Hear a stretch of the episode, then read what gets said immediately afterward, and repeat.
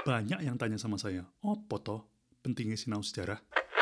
Dari Bung Yuki Fajri, seorang pegiat sejarah dari Semarang, saya belajar bahwa fakta hari ini akan kelihatan terang bila sejarah kita terawang, biar masa depan bisa benderang.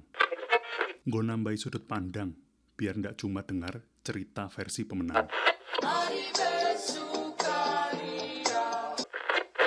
Selamat datang di podcast Makelar Cerita.